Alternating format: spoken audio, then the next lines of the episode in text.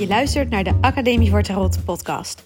Mijn naam is Christa en ik deel heel graag al mijn tarot-ideeën, kennis, filosofische gedachten en creatieve tarot-inspiratie met jou, zodat ook jij het heft in eigen hand kunt nemen met de kaarten. Welkom, welkom. Ik ben lekker de was aan het vouwen. Weer heerlijke huishoudelijke taak. En uh, de kleine wil niet slapen, dus die ligt lekker uh, op een handdoek naar me te kijken in de badkamer. Zo doen we dat gewoon. En ja, ik wilde het vandaag hebben over het gebruiken van verschillende decks versus het gebruiken van één deck uh, kaarten. En nee, eigenlijk wil ik het vooral hebben over het gebruiken van verschillende decks. Niet per se versus één deck. Um, want ik heb gemerkt de afgelopen maanden dat ik eigenlijk heel erg gefocust ben geweest op de Rider-Waite-Smith. En eigenlijk alleen maar met die kaarten bijna gewerkt. Nee, dat is niet helemaal waar. Ik heb eigenlijk in de afgelopen maanden twee decks gebruikt. Rider-Waite-Smith en daarnaast um, heb ik een deck waarvan ik de naam even kwijt ben. Dat is echt heel erg, want ik gebruik het dus heel veel. Maar maakt niet zoveel uit welke het is, want daar gaat het nu niet om. Maar één ander deck. En uh, dat andere deck dat gebruikte ik specifiek als ik voor mezelf kaarten wilde trekken voor het maken van uh, ondernemersbeslissingen, dus werkbeslissingen.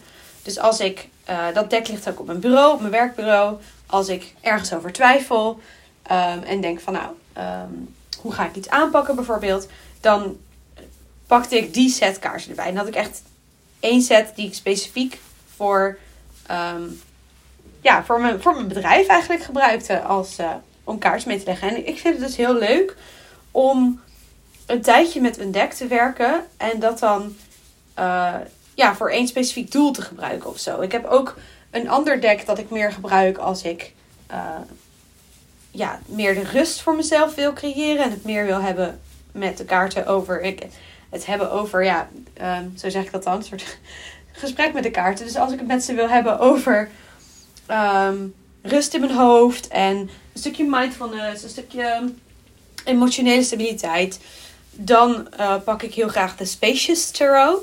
Uh, dat zijn kaarten die gewoon heel mooie, rustige kleuren en heel ruimtelijk. Er staan geen mensen op afgebeeld. Er staan op sommige afbeeldingen staan op sommige kaarten staan dieren, maar de meeste uh, ja, staat alleen een omgeving. Daarom heet het ook de Spacious Tarot. De, de, ruimte wordt eigenlijk weergegeven. En die geeft, dat, dat deck geeft mij heel veel rust.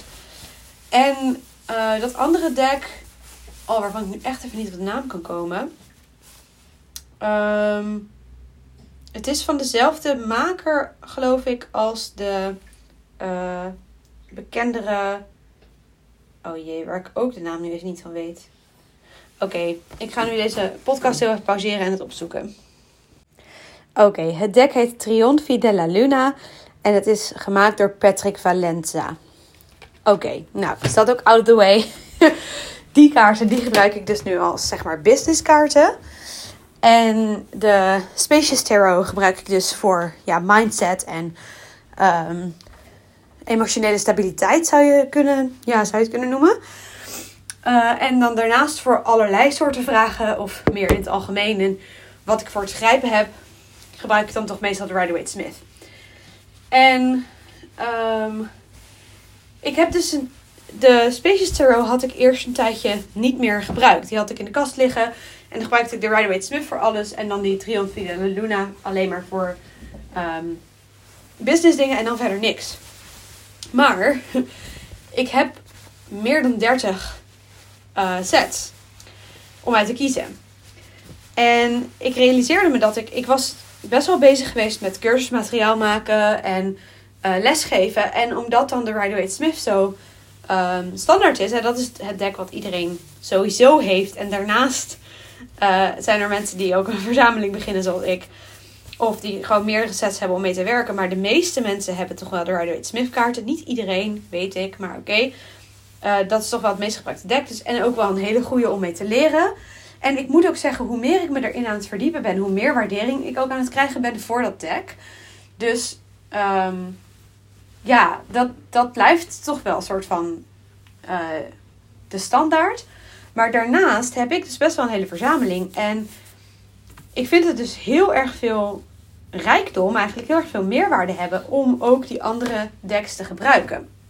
En zeker als het decks zijn die ook heel erg hun eigen sfeer hebben en daarmee echt wel iets ehm, toevoegen wat de Rider Smith dan niet heeft.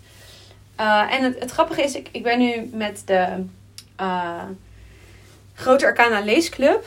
Zijn we bezig met het uh, lezen over de Grote Arcana kaarten. En dan um, één keer in de maand hebben we een bijeenkomst. En iemand zei tijdens die bijeenkomst zoiets van: Ja, als ik het dan vergelijk, de Rider Smith met nieuwere decks, dan zie ik ook hoeveel meer er in die Rider Smith zit. En uh, ook, ik had dat zelf heel erg toen ik het vergeleek met juist oudere decks. Want ik ben een boek aan het lezen juist over de geschiedenis van de kaarten. En dan zie je hoe um, de Visconti Sforza werd getekend. En de Marseille. En nog een paar andere oudere versies nog voor de Rider-Waite Smith. En die zijn gewoon minder rijk aan symbolen. Zitten ook symbolen op, zitten ook verwijzingen naar dingen. Maar uh, ook veel minder esoterisch, veel minder symbolen om. Um, ja, om mee te divineren. Want daar waren de kaarten waarschijnlijk niet per se voor ontworpen. Dus, terwijl uh, Arthur Edward Wade dus wel specifiek de kaart echt met dat doel ontworpen heeft. Uh, net als dat Alistair Crowley dat heeft gedaan voor de uh, Thoth Tarot. Um, dus daar is echt, echt wel een duidelijk verschil in. En in de nieuwere decks zie je soms, ehm, en lang niet bij alle nieuwere decks, maar er zijn nieuwere decks die zijn eigenlijk gewoon te snel gemaakt. Die zijn een simplificatie eigenlijk van de Rider-Waite Smith. En dan zie je dus op die afbeeldingen minder symbolen staan, minder verschillende symbolen. En daardoor zijn ze eigenlijk minder rijk. En dan is dus sommige decks daarbij is het heel goed gedaan. Is het een soort van um, wel gesimplificeerd, maar een heel eigen stijl, waardoor je toch hele mooie nieuwe inzichten kunt krijgen van zo'n kaart.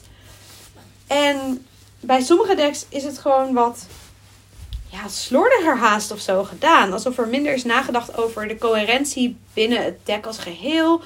Um, alsof er überhaupt misschien minder is nagedacht over um, hoe je precies divineert met de kaarten.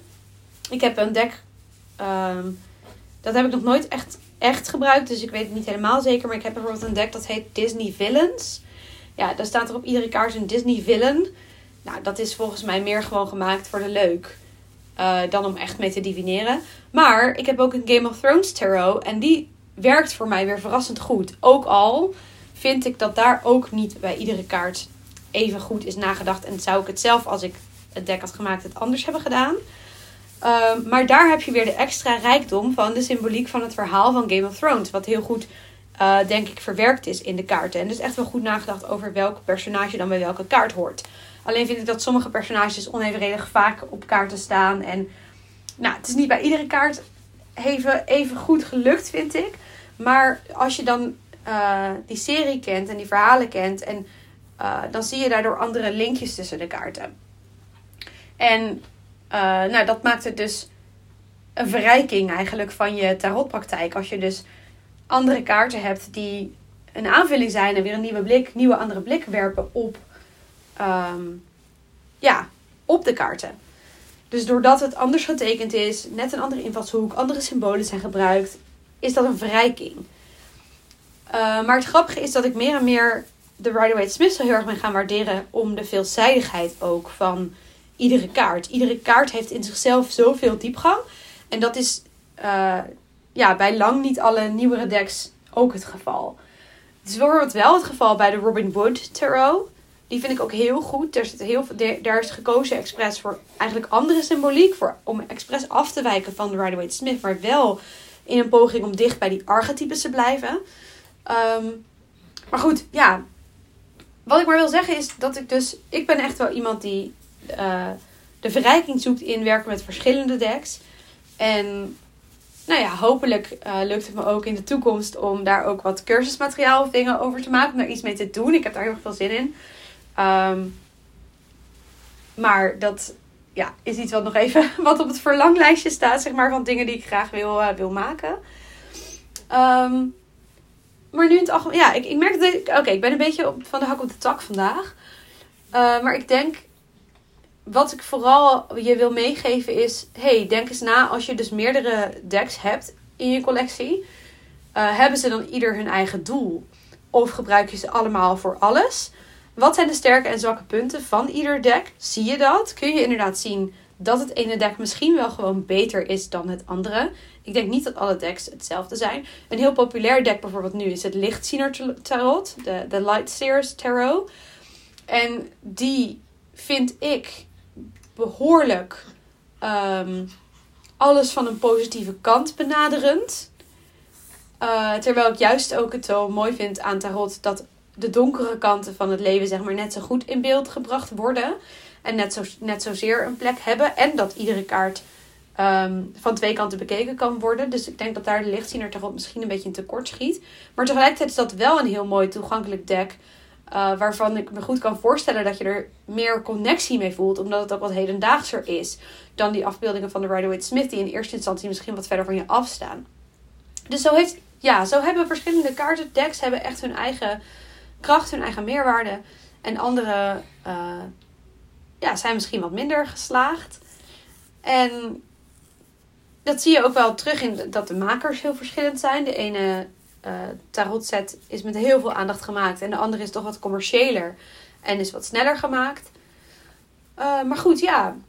Uh, dit was voor mij even weer een overdenking waar, waar ik mee begon. Dat ik dus een hele tijd nu eigenlijk maar een paar decks van mijn hele collectie gebruik.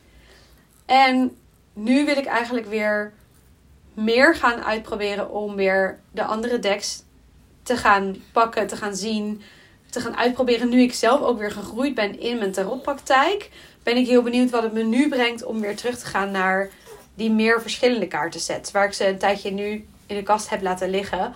Puur omdat de focus gewoon even ergens anders was. En ik heel graag meer en meer en meer, meer wilde leren over de Rider-Waite-Smith. Waar je volgens mij ook een leven lang over kunt doen.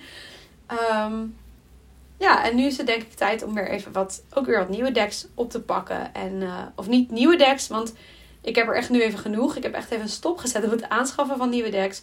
Maar wel weer ja, een herwaardering van de decks die ik dus in de kast heb liggen.